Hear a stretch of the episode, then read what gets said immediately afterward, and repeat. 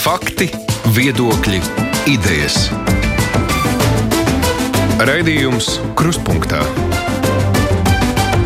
ar izpratni par būtisko. Aizsmeļamies Tamsons studijā. Covid izraisītā pandēmija ir izrādījusies krietni dziļāka nekā vairums to paredzēja.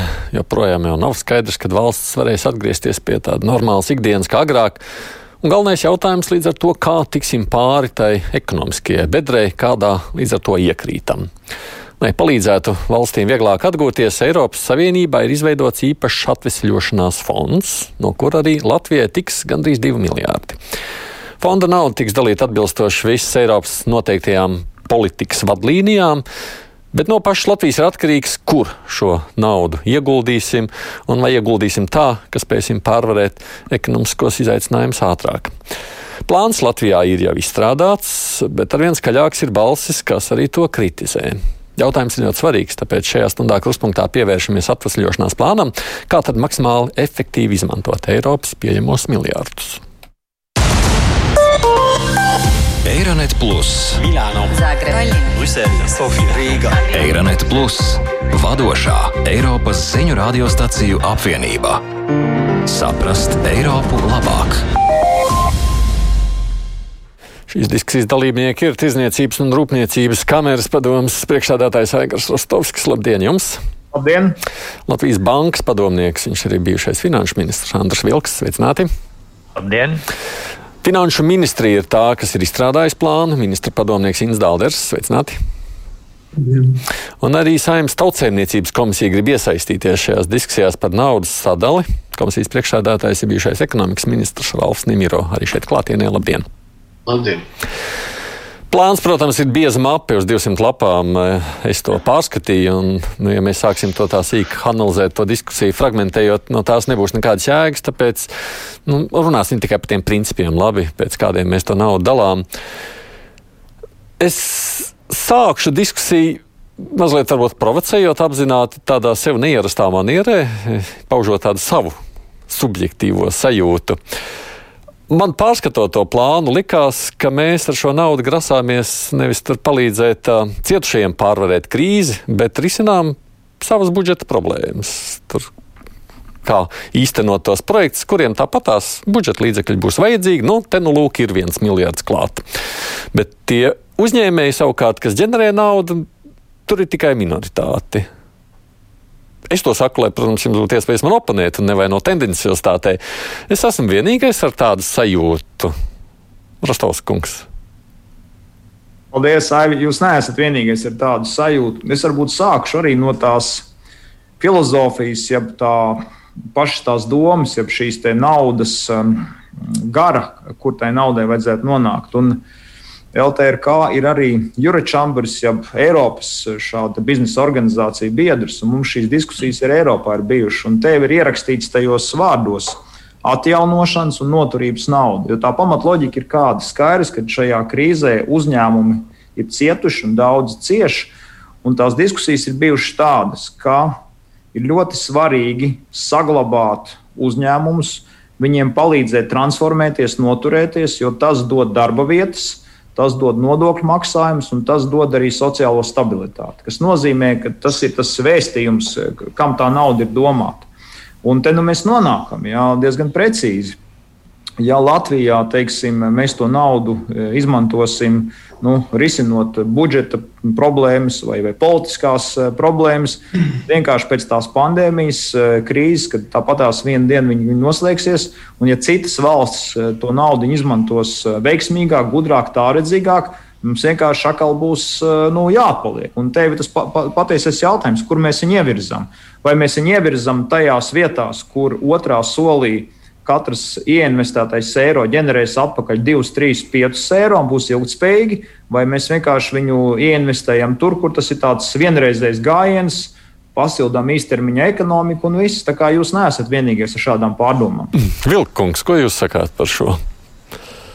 Jā, tas ir tāds liels izaicinājums. Domāju, Eiropas komisijai, komisijai saprast, kādus plānus valsts iesniegs, jo tiešām tur ir pamatots bažas, izskan, ka tas būs tomēr mēģinājums dažādas budžeta pozīcijas pārlikt. Un tas, protams, būtu jāizskauž, un, un tas jau pamazām ir kaut kur jau redzams. Neliels progress ir bijis arī tajā um, Latvijas plānā tomēr kaut kādas jomas ir pazudušas, bet katrā ziņā šī ir unikāla Latvijas iespēja paskatīties savādāk, nevis no budžeta uh, puses, bet uh, izmantot uh, tādām programmām naudu, kur līdz šim budžets pat nav bijis spējīgs aizdomāties, vai nav tik tālu tikuši vienkārši dēļ jaudas vai kapacitātes. Un tā ir, tas ir tāds. Tā ir tāda iespēja, tāda, kur mēs iepriekš varbūt palaidām garām. Aigars to ļoti labi atcerās. Iepriekšējais Nacionālās attīstības plāns pēc, pēc pēdējās krīzes mēs arī likām cerību uz izrāvienu. Izrāviens nenotika, mums bija attīstība, bet tāds izrāviens notika. It sevišķi labi redzams bija Lietuvā, kas aizgāja garām, tūlīt droši aizies garām Igaunijai. Ja? Tā kā šai gadījumā šeit ir jābūt ambīcijām, lietām, ko mēs līdz šim neesam varējuši darīt, koncentrēts fokus un izmērāms, izmērāms programmas, lai mēs sabiedrība varētu sekot līdzi. Tas ir tiešām uz izrāvienu, uz kvalitāti vērsts.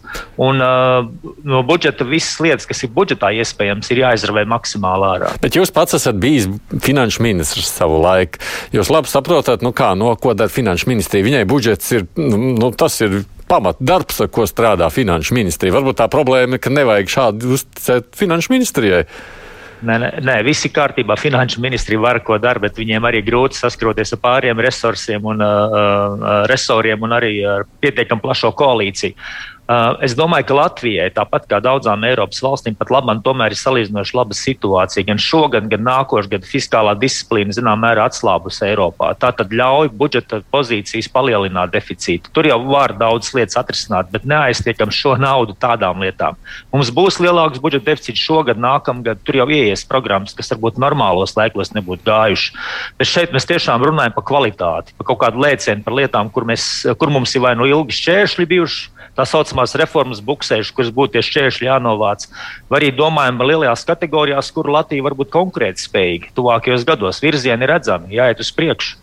Dalderkungs, mēs uh, esam iesākuši ar ļoti kritisku tādu skatu uz šo visu. Nu, jūs esat tie, kas strādājat pie šī plāna. Nu, pārliecināt man, ka man nav taisnība skatoties uz to naudas sadalījumu. Tur ir ļoti daudz budžeta, man liekas, opciju risināšanas problēmas. Jā, lai sāktu runāt, tiešām, kam tad šī nauda ir paredzēta, tad faktiski vajadzētu vēlreiz visiem, kas grib komentēt, izlasīt to Eiropas komisijas vadlīnijas un teiksim, uzstādījumus, kam tad šo naudu drīkst izmantot. Un tā mēs nonākam līdz tādai pretrunai. Es pilnībā piekrītu Rastovs kungam un arī Vilku kungam, ka principā mums vajadzētu šobrīd fokusēties uz tiem ieguldījumiem, kas dot tieši produktīvajā sektorā, dot lielāks teiksim, atdevi.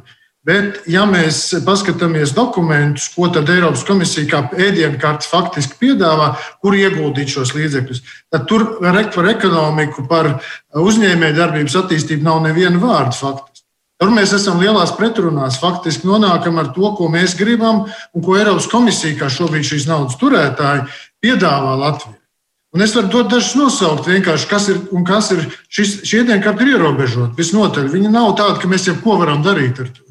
Piemēram, eh, uzlabot minimālo ienākumu pabalstu, atbalstu adekvātumu, uzlabot izglītības apmācības kvalitāti un efektivitāti, uzlabot veselības aprūpas sistēmas pieejamību, kvalitāti, izmaksu liederību, uzlabot publiskā sektora atbildību un efektivitāti īpaši, uz pašvaldībām un valsts pašvaldību uzņēmumiem, ieguldījums koncentrē cenas ziņā pieejamam mājokļu piedāvājumam, transportam, īpaši ilgspējīgam transportam, energoefektivitātei, energotīkla starpsavienojumiem, digitālo infrastruktūru.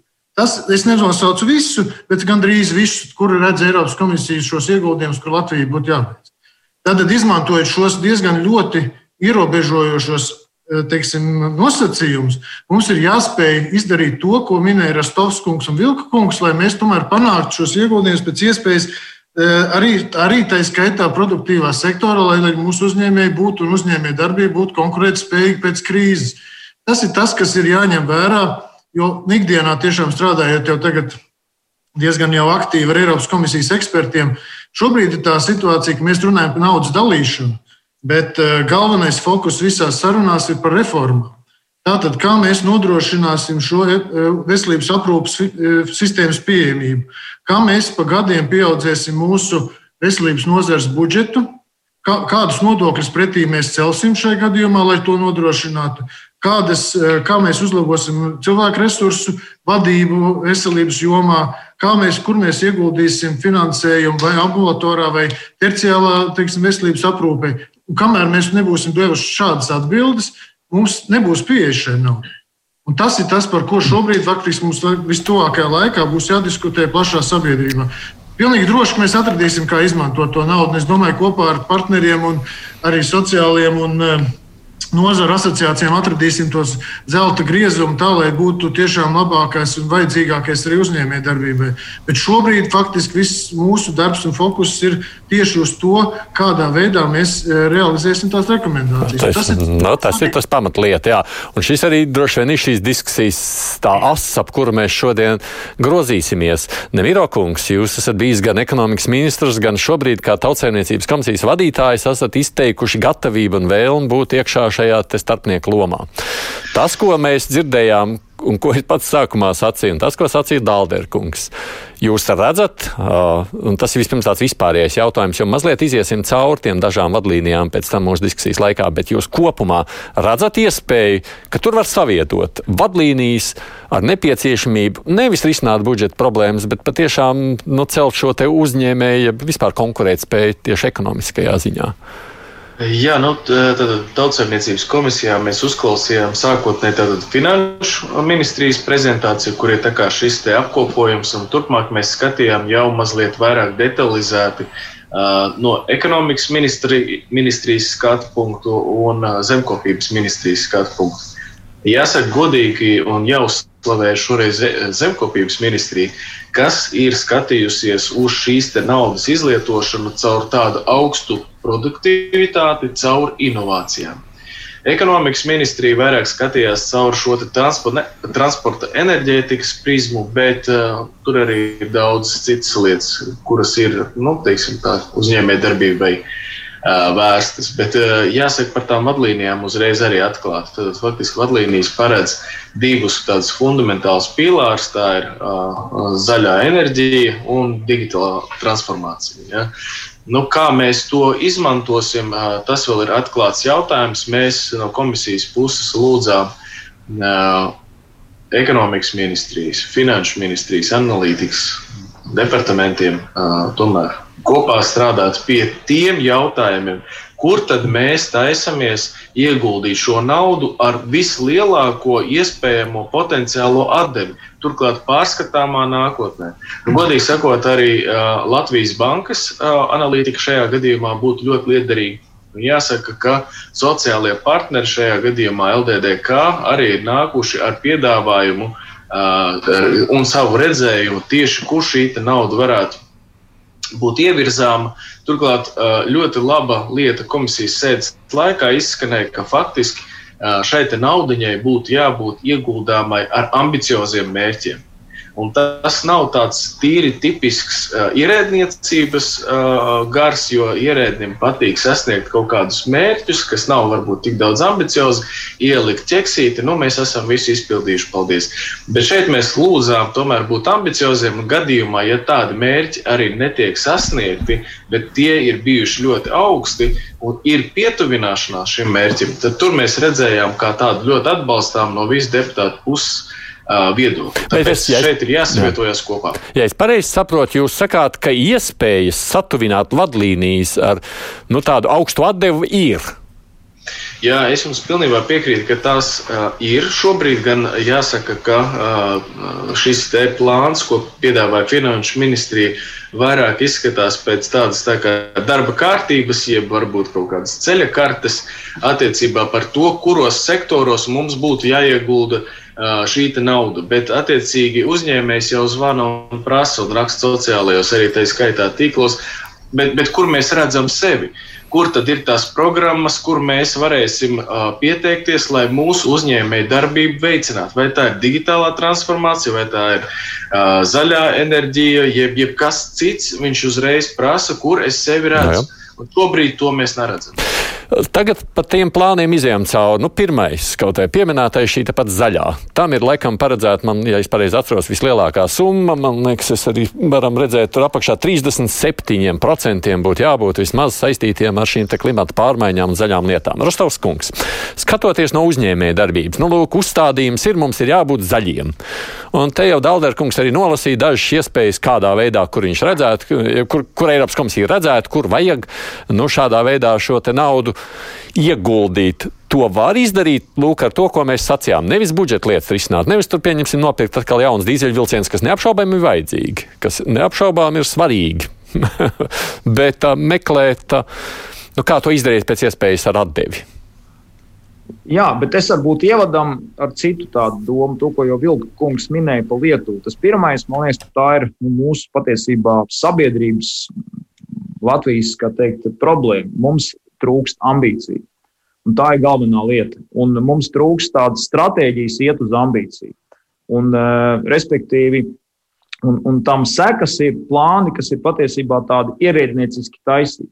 Ja mēs jau runājam arī par to pirmo fāzi šim plānam, tad, godīgi sakot, ne LTRK, ne LDDK tā pēc būtības nebija iesaistīta. Viss cieņa Dauderkungam, viņš tiešām pie mums nāca un stāstīja, nu, ko, ko tur ir koalīcijā, citās kabinetos kāds izdarījis. Jā, bet iesaist pēc būtības nebija. Lai gan Eiropas komisija aicināja iesaistīt. Jā, Eiropas komisija aicināja patiešām iesaistīt. Jā, nē, tagad, tagad mēs arī esam eh, saka, izveikuši virkni lietas, un šobrīd mēs esam pie galda, mūsu pārstāvs būs un viss. Un tagad, un tagad tas jautājums ir tāds Redz, kā uz visām lietām var paskatīties dažādi, kā jau jūs teicāt, Tomsons kungs. Un tad ir, tad ir sekojuši. Redzi, uzņēmēji ir tāda tauta, ja, piemēram, runājam par to zaļo digitalizāciju, es pieminēju zaļo, zaļo virzienu. Piemēram, nu, lai saprastu labāk, tas pats dāņu, dāņu, dāņu gājiens, kāds ir bijis pirms vairākiem uh, gadiem. Viena lieta, ka mēs varam kaut ko nu, teiksim, pirkt no ārpusē, no kāda cita. Jā, veloceliņus taisīt, eh, dīzeļvilcienus pārtaisīt. Tas ir viens vektors, tāds tipiski ierēdnis domājošs. Otrs, to var uztaisīt industrija, ko izdarīja Dāņi.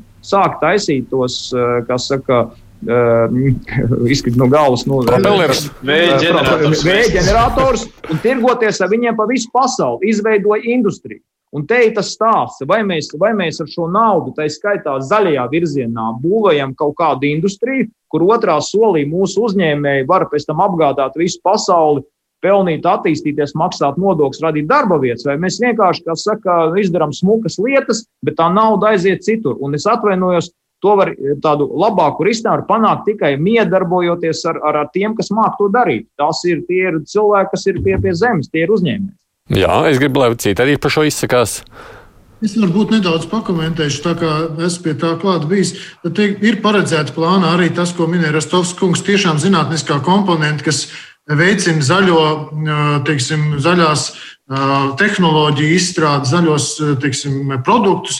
Ir paredzēts arī finansējums tam, bet jāsaka, arī šajā klimatam draudzīgajā sadaļā ir ļoti skaidri noteikta metodoloģija, kādā veidā tiek rēķināts līdz detaļām pateikts, kas atbilst šiem klimata mērķiem un kas neatbilst. Ja, tā ir vesela vēl viena vadlīniju grāmatiņa, kurā tad ir teikts, kas, kas atbilst un cik lielā mērā 100% piemēram, nezinu, teiksim, elektriskās dzelzceļa līnijas jauna izbūve, jā, pārbūve, nē, piemēram, neatbilst klimatam. Jā, un tam līdzīgi. Līdz ar to ieguldījumu uzņēmē darbībā arī tā skaitā ir pieļaujami, tad, ja tas dod konkrētu procentu energoefektivitātes ieguvumus. Tā kā nu, tur ir ļoti no, aplikti. Bet jums ir bažas, ka mūsu uzņēmēji nebūtu spējīgi tur tādā veidā palūkoties uz to, lai atbilst šiem kritērijiem? Es domāju, ka var. Un tas arī ir paredzēts arī šajā plānā, ir, ka ir, no ekonomikas ministrijas sagatavojas tiešām šo pamatu piedāvājumu, kurā ir gan šis gan jaunu iekārtu pret energoefektīvākām nomaiņas, teiksim, atbalsta mehānismus, gan arī jaunu produktu izstrāde un jaunu jaunu, teiksim, nu, digitālu, vai ne, teiksim, ne tikai digitālu, bet arī pie, pieejas veidošanu. Bet jāsaka, arī tur jāliek pretī ir konkrēti rāzi, rādītāji. Vien ar to, ka mēs būsim izstrādājuši kaut kādu tehnoloģiju, ar to būs par maz. Mums būs jāpierāda, kā tas konkrēti ir ietekmējis mūsu valsts kopējo teiksim, bilances CO2 izmešanu. Ja? Un tā būs, tas nebūs vienkārši. Nu jā, bet iespējams tas ir par šo pašu Vilka kungu. Jā, runājot kopumā, vispār mēs esam par lielāku koncentrāciju, respektīvi mazāk programmu, nav, lai nav sadrumstalotības, lai būtu lielāki bloki, lai vieglāk izsekot, lai lielākas ambīcijas. Tā ir labāk, jā. Es domāju, ka noteikti tā būtu labāk. Tas būtu tas, kas būtu vajadzīgs. Ja mēs esam iepriekš, varbūt Latvija arī atpalikusi, tāpēc, ka mums bija ļoti sadrumstalots un tas beigu beigās nedod to pienesumu. Ja runājam konkrēti par zaļo komponentu, ir skaidra joma, kurā Latvija buksē arī krietni vairāk nekā pārējās Baltijas valsts vai pat Polija neizmantojot uh, pietiekoši daudz un efektīvi tieši e, e, energoefektivitātes uzlabošanai, gan dažādu veidu ēkām. Uh, tur noteikti šis ir, šis ir brīdis, kad to varētu darīt. Un tas būtu efektīvi, un tas būtu efektīvi šī naudas izlietošana, ja mēs lietotu ēku siltināšanu. Es domāju, ka tas jādara Latvijā. Mums ir, man liekas, nemaldos, kaut kādi 5% ēku tikai izgājuši uh, izmaiņas. Ja tas skaidrs, ka tas jādara. Tālāk otrs jautājums par tehnoloģijām. Viennozīmīgi, ka šeit arī jāatrod veids, kā Latvija varētu turpmāk arī pelnīt. Mums jābūt risinājumiem ar uzņēmumiem. Man tā skaitā, protams, valsts jā, jārada arī apstākļi, lai tas tā arī notiktu no valsts pārvaldes puses. Bet es ļoti ceru, ka šeit arī radīsies labi pienes, labs piedāvājums tālāk, kad mums rodās uzņēmumi, kas var konkrētu tehnoloģiju pienesumu. Un viss, kas ar transportu saistīts.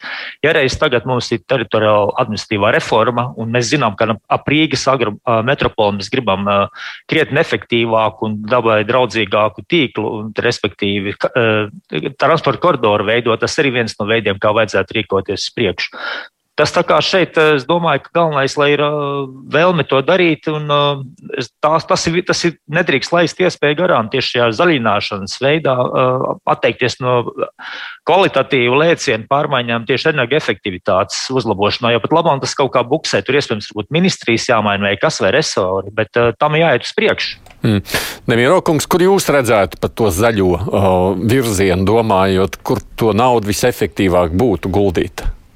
Nu, mēs komisijas sēdes laikā arī izrunājām par šo jautājumu. Faktiski divas tādas iezīmes. Nu, viena uh, ir plānā jau iezīmēta, un tas ir transporta enerģētikas jautājumā. Šeit ir piedāvāts šī biometāna ražošanas kas, ražošana, kas turpmāk tiktu izmantot transportā. Un otra lieta jau arī komisijas laikā izskanēja tas, ko Rostovs kungs teica. Mēs varbūt šobrīd nespējam saražot turbīnas veiģeneratoriem, bet mēs noteikti varam ražot komplektējušās sastāvdaļas. Ja mēs paskatāmies uz vēja enerģijas, piemēram, megawatu skaitu Latvijā, tad es atvainojos, man jāsaka, tas ir nožēlojams jo apmēram 65 megawati. Ja mēs salīdzinām, piemēram, Lietuvu un Igauniju, tad Igaunijā, ja nemaldos, bija 320 un Lietuvā 560 kaut kas megawati. Ja? Līdz ar to mēs ļoti krietni atpaliekam, kas savukārt nozīmē, ka Latvijā šis tirgus tātad ir apgūstams. Tāpēc eh, zaļināšana eh, transporta enerģētikā ir ārkārtīgi būtiska, jo tā ir viena trešdaļa no eh, visa, kas ir attiecībā uz CO2 izmešiem. Tad, attiecīgi, mēs varētu šeit piesaistīt gan darba vietas, gan uzņēmumus, kas piedāvātu turbīnas, un mēs varētu nodarboties ar šo komplektāciju. Līdz ar to veicinot tādas tā kā ražošanas, ilgspējīgas ekonomikas virzienu. Tāpēc nu, zaļināšana kā tāda pati par sevi ir ļoti kompleksa. Jo mums jau jāskatās, tas viss ir kopumā arī ar nacionālo klimata un enerģētikas plānu, kurā tad savukārt mēs jau esam visus savus mērķus atrunājuši, un tur jau jauna uh, grāmata, kā teikt, nav jāvar vaļā. Tas ir šis, šis, šis jau ir, kā teikt, jau atrunāts. Un, un, un otra lieta, ja mēs skatāmies uz visu šo te uh, atvesļošanās plānu, mums arī vajadzētu paskatīties uz to kontekstā ar nacionālo attīstības plānu, kas savukārt arī ir jau ap, apstiprināts. Tā kā šeit visi virzieni, uh, nu tā no valdības, no saimnes ir nodefinēti, lūdzu, skatāmies ailītēs un salāgojam tās kopā. Un es domāju, ka, š, ka šeit ekonomikas ministrijai būtu jāņem šī dominējošā loma, jo faktiski mēs nerunājam par tik daudz kā budžeta piepildīšanu, bet mēs runājam par darba vietu radīšanu, kas varētu un, un uzņēmējdarbības stimulēšana, kas varētu nest pienesumu ne uzreiz, iespējams, pirmajā gadā, bet varbūt kā investīcija projekts 5-10 gados. Nu, plānam, protams, un šīm diskusijām laika nav daudz. Jūs zināt, tas ir stāsts jau par mārtu, kurā mums jābūt tālāk jau gatavam nākošam solim. Rostovs kungs tikai pabeidzot šo pirmo sadaļu, un es gribu ķerties pie tā otrā sadaļa par digitālo, digitālajām prasmēm. Ir tā, ka mēs kā uzņēmēji skatoties, varam sacīt, nu, tas laiks ir pietiekošs, lai, lai šajā plānā ieliktu maksimāli to labāko arī šajā zaļajā komponentē. Nu, protams, ne, nu, jautājums ir par vēlmi. Ja? Un, uh, godīgi sakot, vēl tikai pabeidzot, redz, kā ir. Tas ir arī man dzīves pieredze. Ja tev pašam ir skaidrs plāns un stratēģija, ja, tad ir tālāk jau ir saruna process un pārliecināšana. Ja, jo es, e, nu, šobrīd Eiropā jau nav vispār atbildes. Un, ja kāda dalībvalsts nāk ar skaidru savu plānu un kaut kādām ambīcijām un parāda, ka viņi tiešām caur šo ekonomiku pacels, Nu, tas ir tikai sarunu process un pārliecināšanas jautājums. Jā. Es atgādinu skatītājiem, klausītājiem, mums ir četri diskusijas dalībnieki. Mēs runājam par atvesļošanās plānu, Latvijas plānu, lai varētu izmantot šī Eiropas fonda naudu, kas ir gandrīz 2 miljārdi. Šeit mums ir Aigars Taustovskis no Tirzniecības rūpniecības kameras, Andris Vilks no Latvijas bankas, no Saimnes tautsēmniecības komisijas Ralfs Nemiro un finanšu ministra padomnieks Ins Dalders. Raidījums Krustpunktā. Otrais plāna punkts, kas ir tajās vadlīnijas, tajās lielajos blokos, tās ir digitālās prasmes un to attīstīšana, kas, kam arī ir paredzēta nauda. Un es atkal skatos sev aiz muguras 20% ieguldījumu. Mēs redzam tajās vīzijās no Eiropas komisijas. Kā to var izdarīt, runājot par digitālajām prasmēm, savukārt, lai tas vairāk ģenerē naudu? kurš būtu gatavs man iezīmēt un mūsu skatītājiem un klausītājiem šo uh, saprašanu, par ko šeit ir runa? Drīkst. Jā, jā. Drīkst, jā, es tiešām faktiski pamatā šeit ir divas daļas, kuras kādas problēmas mēs ar šo vēlamies risināt. Mums ir pēc starptautiskiem novērtējumiem mums ir divas lielas problēmas digitalizācijā. Mūsu iedzīvotāji zemās digitālās prasības, kas salīdzinot ar citām valstīm, ir zemes. Dažādos, protams, vecuma un, un izglītības grupās. Un otrs ir mūsu teiksim, mazo video uzņēmumu zemā digitalizācija visādās izpratnēs, gan viņu darbinieku, uh, ziņā, gan pašu iekšējo procesu digitalizācijā, gan viņu komercializācijā, respektīvi viņu produktu tālākā tirzniecībā un arī šo produktu piedāvāšanā. Ja drīkstāt, lai, es, lai es precizētu un saprastu, kas attiecas uz pirmie, tas būtu tas stāsts, nu, lai pensionārs iemācās rīkoties ar internetu kaut kā tādu. Nē, nu, tikai tas jau ir arī, protams, tas, jo visi pakalpojumi, mēs redzam, šobrīd ir attālināti. Viņi droši vien tādi arī paliks lielā daļā, eh, gan visās valstīs. Un otrs, jāmāk ne tikai ar internetu, bet arī nokopēt dokumentus, ievietot viņus un tam līdzīgi. Tas ir tas pamat, pamat eh, elementārās prasības, bet tad ir, lai strādātu mūsdienīgā uzņēmējdarbībā un vidē, tā skaitā arī ir arī ar teiksim, sarežģītākām tehnoloģijām, ko tad un audzēt produktivitāti. Noteikti ir jāpalīdz uzņēmējiem arī apmācīt viņu darba spēku. Un līdz pat augstākā līmeņa prasmēm, kur mums šobrīd ir zinātnieki, kas ir pasaules kvantu datoru līmenī. Un tas ir tas, ir tas tvērums, viss plašais, plašais tvērums no tiešām, no, kā minējāt, pensionārs ar datoru vai planšeti līdz pat kašķēvam ar ambāņu. Ja? Vilka kungs, jūsuprāt, kas būtu tas efektīvākais, kā šo naudas daļu vajadzētu lietot? Jā, šī sadaļa nu, gan ir pietiekami sarežģīta tiešām, bet uh, Latvija, diemžēl, tieši kā jau Inns Dalders minēja, iedzīvotāji lieto salīdzinoši maz, neefektīvi dažādas digitālos rīkus. Savukārt uzņēmumi ir pēdējā vietā Eiropas Savienībā. Nu, tā tad šeit kliedzot ir, ir kliedzoša vajadzība pēc tāda eh, pamatīga lē, lēciena, kvalitātes uzlabošanas. Viennozīmīgi, kas Latvijai noteikti būtu jādara, ka jābūt vienai institūcijai, vienam resoram, kas saliek kopā un tur visas datus. Skaidrs. Tur ir arī dažādi aps, iepriekš bijuši Latvijā. Mēs redzam, apsilinājušies daudzās jomās, daudz ir iztērēts, bet ir jābūt vienai vietai, kur efektīvi viss tiek klāt. Tā skaitā arī uzņēmēji. Uh, Tātad tas, tas, tas ir izdarāms, manuprāt. Tas būtu ļoti labi. Tas viss pātrinātu apriti. Nu, šis ir vairāk tās par valsts pārvaldi, ko jūs valsts, sakāt. Bet uzņēmējiem tas palīdzēs. Bet savukārt, kas ir ļoti svarīgi, kādā veidā uzņēmējus, uzņēm, uzņēmējs iekustināt šajā jomā arī. Te ir tās dažādas iespējamās izglītības, dažādas sadarbības formas. Bet uh, tie skaidri, kas šeit ir minēti, cik daudz iedzīvotāju, cik daudz uzņēmumu varētu to visu apgūt, kā to visu mērīs. Jābūt pārliecībai, ka mēs to varam izmērīt, ka mēs sabiedrība sekojam līdzi, kā tas viss varētu notikt. Ir skaidrs, ka mums ir šeit IT guru un daudz uzņēmumu tajā jomā specializējās. Tātad ļaut viņiem būt kaut kā efektīvākiem, aptvert visu valsti, ne tikai varbūt savas jomas, jo tie uzņēmumi vairāk strādā uz āru nekā uz iekšu līdz šim. Tie veiksmes stāsti Latvija ir eksporta stāsti vairāk bijuši. Mums kaut kā jāmēģina viņus iekšē, iekšē, iekšēnē aktivizēt, jo, jo ja nebūs, neizmantosim šo brīdi, lai mēs pārliektu modernākā ekonomikā, tas būtu ļoti bēdīgi. Šī ir joma, kurā Latvija izskatās ļoti slikti. Par, par, nu, mm. par, par, varbūt daž, daudziem pat par izbrīnu. Ja? Tas ir kardināli jāmaina. Abās pusēs tur jāliek nauda. Tur ir valsts pusē un uzņēmējuma pusē. Un arī pašvaldības, tā skaitā, viss tas tīkls ir. Mm. Ieskaitot gan pēdējo jūdzi internetam, gan pārējās lietas. Mums jāmāk ātri un efektīvi rīkoties. Tā ekonomika, kas tajā ir iestājusies, tā ir uz palikšanu. Mums jāmāk rīkoties gan fiziski, gan arī pretī, respektīvi, datoros. Jā. No, un, jā.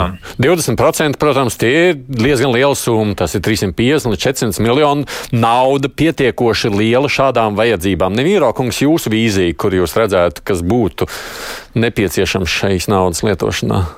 Jā, nu, man agrāk bija tas gods vadīt arī nodarbinātības padomu, kurā ietilpa ekonomikas ministrs, labklājības ministrs un izglītības un zinātnes ministre.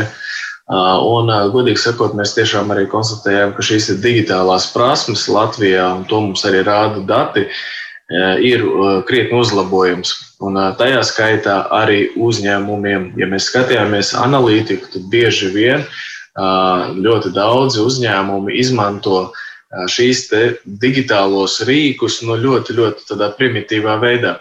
Tam, kam es maz piekrītu, ka mums būtu jāsāk digitalizēt valsts pārvaldi, jo, godīgi sakot, ļoti daudz digitalizācija jau ir notikusi valsts pārvaldē, bet uzņēmēji nav sajutuši īpaši lielu Uh, lielas izmaiņas.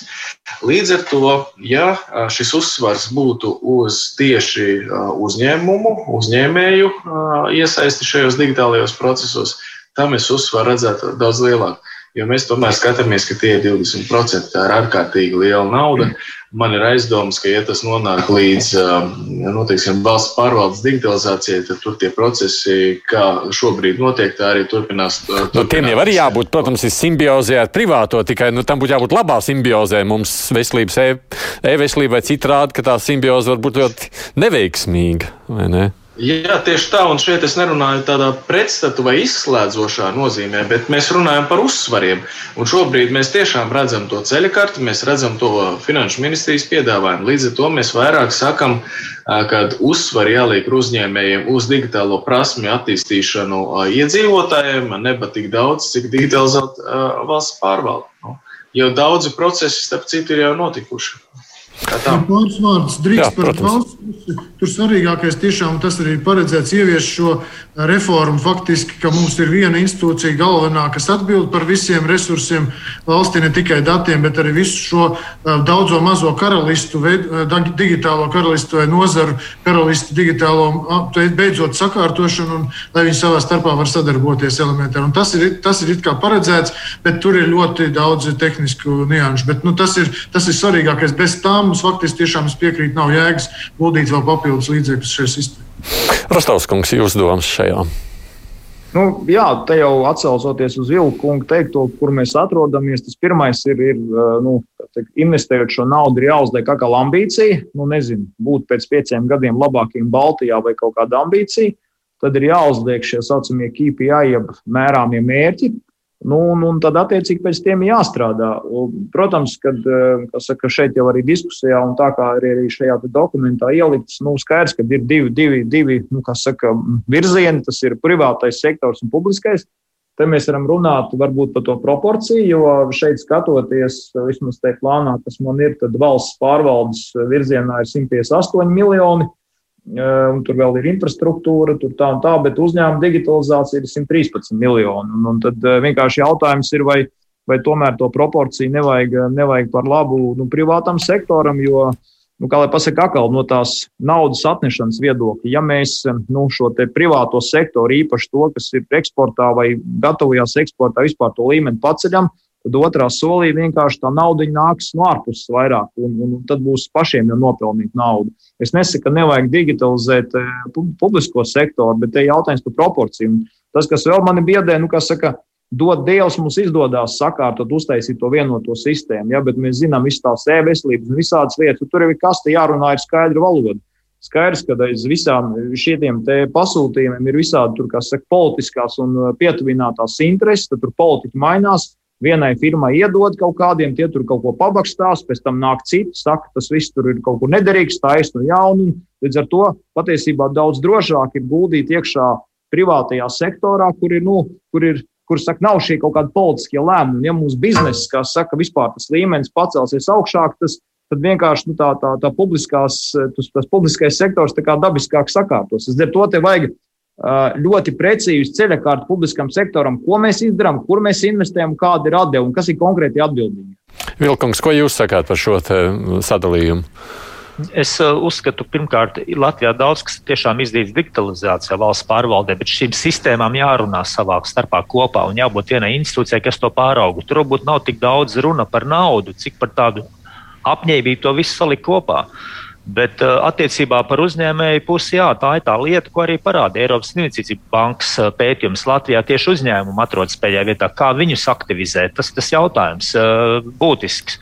Bet kas varbūt mani satrauc, ka Latvijā pat labi neesmu dzirdējis skaļi tieši pašu industrijas runu kas varētu to īstenot. Nu, viņi kaut kā laikam klausās, ko mēs darām, ja valsts pusē vai citi. Tur ir jābūt pienesumam. Tas ir, tas ir eh, no tās puses arī īsti neizskan, kā tam būtu jābūt no, no, no viņu puses redzamam. Bet uh, viennozīmīgi tās proporcijas ir uh, būtiskas. Es domāju, valsts pusē vairāk ir tiešām kā salikt to, kas strādāts, varbūt neizmaksāt tās summas. Kā privāto iekustināt uh, digitalizācijas virzienā, tas varbūt ir lielāks izaicinājums, bet arī tie signāli, kas nāk no valsts puses, arī būtu palīdzoši. Hmm. Tad tā trešā sadaļa, savukārt, kas runājot par plānu, būtu tādā lielā nu, tādā blokā ieliekams, ir stiprināt ekonomisko un sociālo noturību. Nu, te arī ir tā, tā, tas, tā vīzija, ko ar šo naudu vajadzētu lietot. Ko tas paredz? Droši vien šeit Dalderkungam vispirms jāvieš saprašana. Jā, nu te ļoti plašs tēmu lokus. Protams, ka uh, Sociālais eh, jautājums ir arī, kā mēs tagad saprotam, ļoti daudzās, eh, sastāv no ļoti daudziem eh, pasākumiem. Bet nu, pamatā, ja mēs runājam tieši par sociālo noturību, tad te ir vairāk paredzēti pasākumi ilgstošo bezdarbnieku apmācībām, dažādām teiksim, prasmju papildinājumiem. Mēs vairāk esam šajā sakarā fokusējušies uz šo nevienlīdzību, jeb reģionālās nevienlīdzības jautājumu, ja mēs runājam tieši par sociālo, sociālām lietām, lai Latvijā izveidot tomēr mazinātu šo plaisu starp Lielrīgas un pārējiem reģioniem, tā skaitā gan papildinot sociālos pakalpojumus, gan izglītības kvalitāti uzlabojot, gan sasniedzamību, gal galā arī tā mums, protams, ir problēma, un arī, respektīvi, arī vēl, vēl mājokļu problemātika, kur mēs arī minējām sākotnēji šajā rekomendācijās. Tas ir tas, kas attiecas uz sociālajām pamatlietām. Ja mēs runājam ekonomiskā, protams, ka ekonomiskā nevienlīdzība arī ir problēma. Tas, tas ir darba vietas reģionos, nu, un arī ar šo plānu ir mēģinājums arī risināt šo, papildu, palīdzēt Eh, investoriem ne tikai nākt uz Rīgas reģionu, bet viņus mudināt investēt un veidot jaunas darba vietas ārpus Rīgas. Tas ir tas, eh, par ko mēs arī šeit runājam. Protams, tur vēl daudz detaļu, daudz jautājumu, kā to precīzāk izveidot, bet faktiski šis ir tas kopējais rāms, kā mēs to redzam šādā sociālās eh, jomas un sociāla-ekonomiskās jomas izpausmēs. Runājot tik tīri par ekonomiku, tad pamatā tā, protams, ir ekonomikas transformācija un produktivitātes pieaugums caur Eh, privāto investīciju attīstībā un pētniecībā veicināšanu. Tas ir mums jau daudziem zināms šis eh, kompetenci centra pieeja, kāda Latvijā jau vairākus gadus pastāv, un uh, tur ir papildus līdzekļi paredzēts. Vienu nelielu niansu gribētu vēl pieminēt, ka mēs šeit runājam par apmēram no 1,5 līdz 2 miljārdiem. Tad kopējā ārējais finansējums, respektīvi dažādi citi Eiropas fondi mums Latvijai tuvākiem septiņiem gadiem, ir uh, apmēram 10 miljārdu vērtībā. Tātad mēs runājam faktiski šeit par tādu nelielu sadaļu Un mums vēl ir gan šiem visiem aspektiem, par ko es runāju, ir liels finansējums paredzēts arī citās, citos fondos, citās programmās. Nu, līdzīgi kā par budžetu sacīja Vilkungs, ka nu, nav jau skaidrs, ir skaidrs, ka arī budžeta izdevumos būs iespējas ielikt to, ko līdz šim šķita, ka neizdosies. Nemiro kungs, kā jūs vērtējat šo plāna bloku? Jā, nu, es jau pašā sākumā arī to tomēr uh, mēģināju ieskicēt, ka šobrīd mēs saņemot finanšu ministrijas uh, ceļa karti, sākam tagad šķetināt. Un mēs esam izgājuši cauri, caur uh, ekonomikas ministrijas un zemkopības ministrijas to redzējumu. Un kā jau es iepriekš teicu, mēs atzinīgi novērtējam zemkopības ministrijas priekšlikumu, kur tieši tā lauksaimniecības transformācija, tajā skaitā arī uz tādām jaunām tehnoloģijām pārējot, likās ļoti simpātiski visiem komisijas deputātiem. Bet savukārt, ja mēs runājam par to ilgspēju un, un, un, un labklājības noturību, tad to mēs, protams, vēl skatīsim pēc tam, kad mēs būsim arī izskatījuši varam piedāvājumu.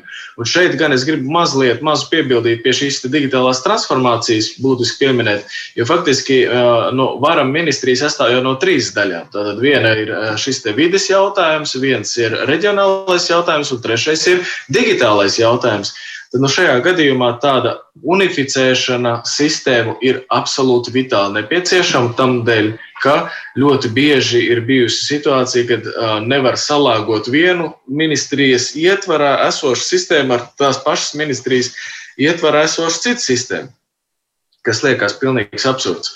Tāpēc nu, darba ir diezgan daudz, un pie šīs te, tādas sociālā jautājuma mēs noteikti pievērsīsimies, bet es gribu teikt, ka tas vienmēr ir ļoti cieši saistīts ar ekonomisko attīstību, ar ekonomisko uzrāvienu. Ja gadījumā ir produktīvi uzņēmumi, pelnoši uzņēmumi, Nu, mēs jau redzēsim, noteikti arī uh, darbiniekiem algu, algu celšanu. Tas gan skaidrs. Vilkungs, tas, ko sacīja Dalderkungs, nu, ka šeit tas tāds akcents ir likts uz šo nevienlīdzības mazināšanu reģionālā līmenī. Pieņemsim, ja skatāmies, kas ir ļoti svarīgs aspekts, protams, arī Latvijā bijis jau sāpīgs aspekts, tā to jāsaka. Kā jūs šo plānu bloku vērtējat?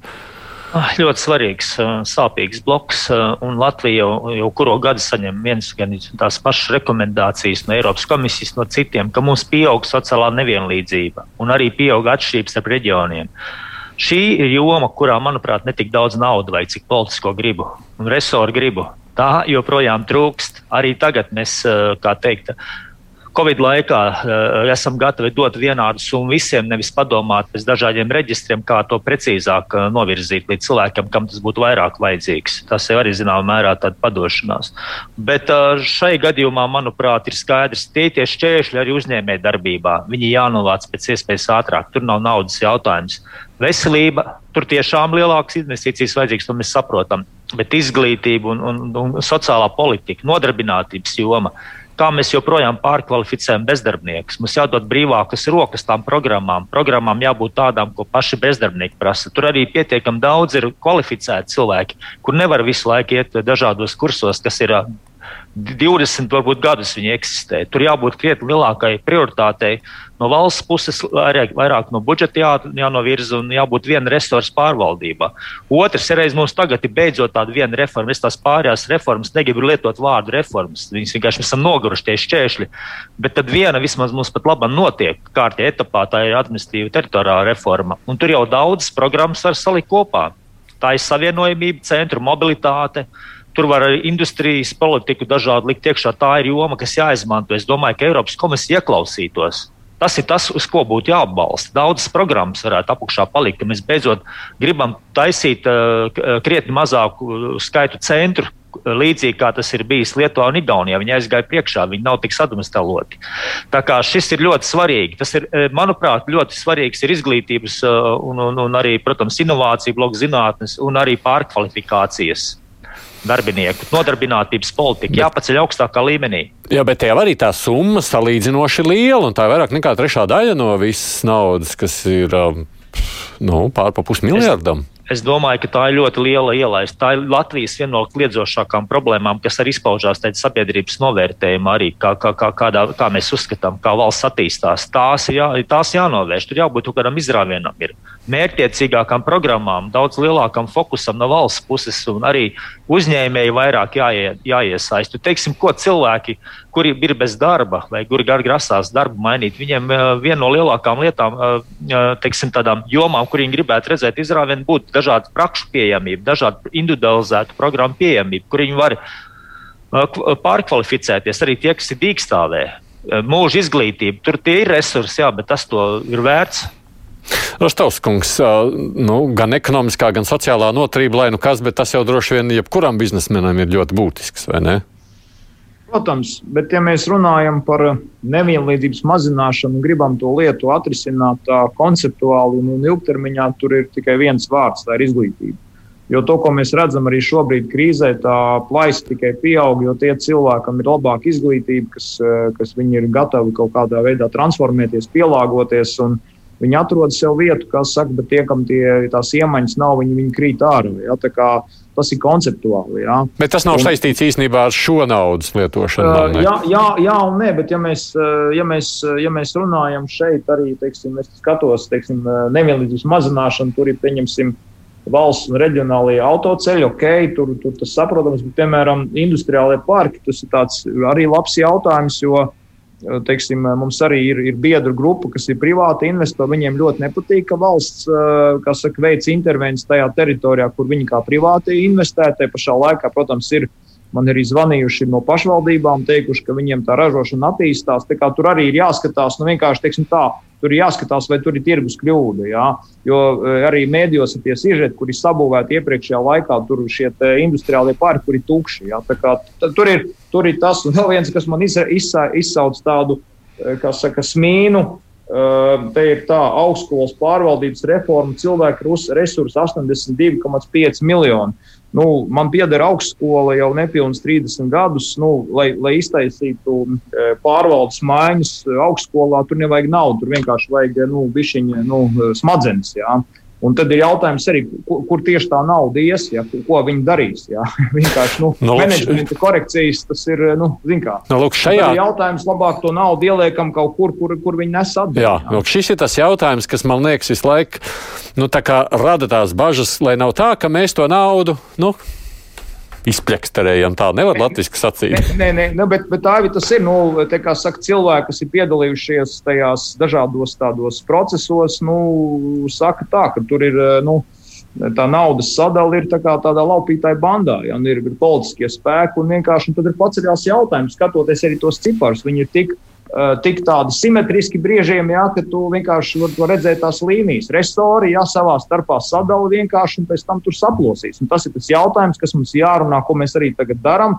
Un, un tāpēc arī mēs prasījām to savu iesaisti, kad iesaistē jābūt pēc būtības, nevis tā ķeksīša. Pēc, jā, Bet jums tā, tā iesaist, tā iesaist tagad, cik gara būs? No, ne, nu, tagad, tagad mēs esam, kā vismaz var pateikt, Neltēri, kā mēs laikam aizvakar saņēmām e-pastu, jā, kad šī iesaiste sākās, mēs arī de deliģējām savu cilvēku. No mūsu puses būs Girts Rungains, kas pārstāvēs mm. cilvēkus ar, ar, ar smadzenēm un zina, ko dara. Un tā kā tas aicinājums vienkārši klausīties un ņemt vērā. Jā, lai, lai mēs tiešām ar šo naudu ieliekam tā, lai ir ambiciozi plāni, lai mēs dabūjam uzrāvienu, nevis lai mēs vienkārši izpleperējam to naudu. Nu, tas arī tas tā būtība. Nu. Cik mums ir laiks, Daldēr kungs, lai mēs varam vēl diskutēt?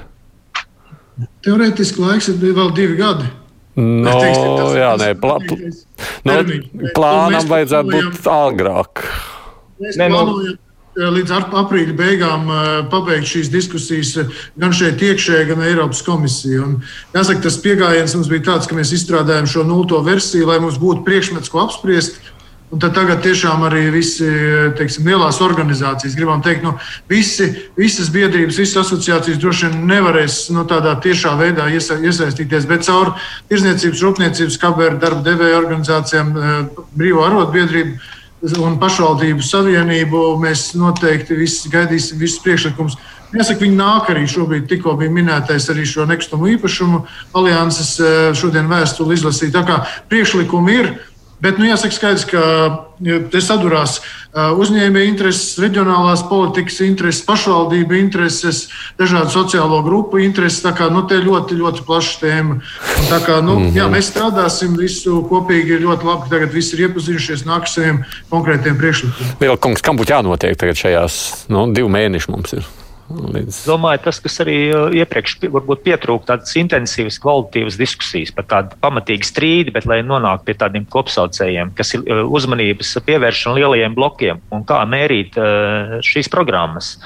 Tas, tas ir ļoti svarīgi. Es domāju, tas arī citās valstīs, kas pasaka, līdz tieši tas pats strīdās par tiem virzieniem, varbūt. Bet galvenais runāt un nāk kopā tās jomas, kāpēc mums varbūt to Covid atbalstu neveicās varbūt rudenī tik labi, tāpēc, ka vasarā iztrūka tāda pamatīgas diskusijas par tiem atbalsta mehānismiem. Tad tagad runājam, sadalām, sadal, sadalām teiksim, to plānu tādās saprotamās sadaļās un, un nesaskaldam smalkās lietās un ambiciozi plāni lai būtu. Un jā, jātur acis vaļā, ko dara konkurenti, ko dara citas valstis. Jebkura informācija, kas nāk no citurienes, mums jāuzsūc, jāmēģina saprast. Idejas jāzog. Jā. Tautsēmniecības komisija sacīs, ka viņi labprāt būtu iekšā tajā visā sadaļā, kā tādi gan starpnieki, gan uzraugi. Tas, kas vienmēr jau ir izskan eh, gadu gadā no tiem cilvēkiem, kas reizēm piedalījās šajās diskusijās, ir tā, nu mēs jau te nācām, mēs te strādājām, mēs izstāstījām, ko vajag darīt, mēs rādījām vīziju. Beig beigās, nu, nekas jau tur nesanāca, tur katram bija savu, savs kaut kāds, un be, gribējām, kā labāk sanāca, kā vienmēr. Ko tad jūs redzat savā tajā komisijas darbā, lai nesanāktu tā? Nu, Pirmām kārtām ļoti būtiski ir tas, ka mums jau nevis tā kā gribētos būt kā par starpniekam, bet mums ir pienākums būt. Jo mēs veicam šo parlamentāro uzraudzību, un līdz ar to mēs secinām vienu vai otru tādu virzienu, kur mums politiski būtu jāiet. Tāpēc noteikti šajā gadījumā mēs komisijā visus šos jautājumus, kas ir saistīti attiecībā par nu, investīcijām, runājot par dažādiem virzieniem, noteikti skatām. Bet es godīgi sakot, arī komisijā jautājām to jautājumu, tad, nu, lai būtu kvalitatīva diskusija, būtu jābūt ap, kvalitatīviem aprēķiniem apakšā. Tad, nu, nu, ņemsim, nu, pieņemsim, viens miljons ieguldīts, ko no šī miljona mēs redzēsim kā ieguvumu. Rostovs kungs man liekas ļoti precīzi iezīmē jautājumu par šo te augstskolas pārvaldības maiņu. Nu, ko mēs tur tieši iegūsim, ieguldot tur 86 miljonus? Kāds, kā, kāda, teiksim, ieguvumi būs atpakaļ? Kādā laika periodā mēs kaut ko vispār no turienes taisamies iegūt? Līdz ar to, kur ir aprēķini par to, kur teiksim, ieguldītā nauda, kādā periodā, ko mums nesīs atpakaļ. Šādas diskusijas uz skaitļiem, uz aprēķiniem balstītas pašlaik nav. Viņas notiek vairāk tādā politiskā plešanās, vajadzētu tur, mums gribētos šeit, mēs arī tur savu nozari ļoti rūpējamies. Tāpēc parlaments un tautsēmniecības komisija šajā gadījumā uzklausa uh, Ministrijas deputāti ir no visām frakcijām, tā skaitā pozīcijas, opozīcijas, neatkarīgie, kas var izteikties un, godīgi sakot, tās ir diezgan konstruktīvas kritikas un arī konstruktīvi priekšlikumi. Nu, Dalderkungs labi zina, viņš arī komisijas sēdē piedalījās. Tā kā šeit ir tie, tie jautājumi uh, risināmi un piedāvājumi nāk, tas ir svarīgi. Es jums vēlu kvalitatīvas diskusijas, un uh, lai tā, ka pēc diviem mēnešiem pašiem prieks par rezultātu, kur jūs tur esat ieguvuši visiem četriem, paldies par piedalīšanos. Rauls Nemiro ir ta, Saimnes tautsēmniecības komisijas priekšsēdētājs, Ins Dalders, finanšu ministra padomnieks, uh, Andris Vilks, Latvijas bankas padomnieks un Aigars Rostovskis, vada tirzniecības un rūpniecības kameru. Paldies jums!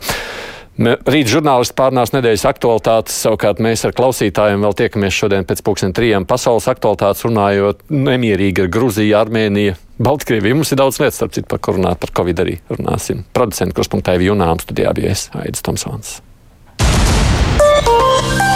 Eironet Plus, Milāno, Zagreba, Brisele, Sofija, Rīga. Eironet Plus, vadošā Eiropas ziņu radiostaciju apvienība. Saprast Eiropu labāk!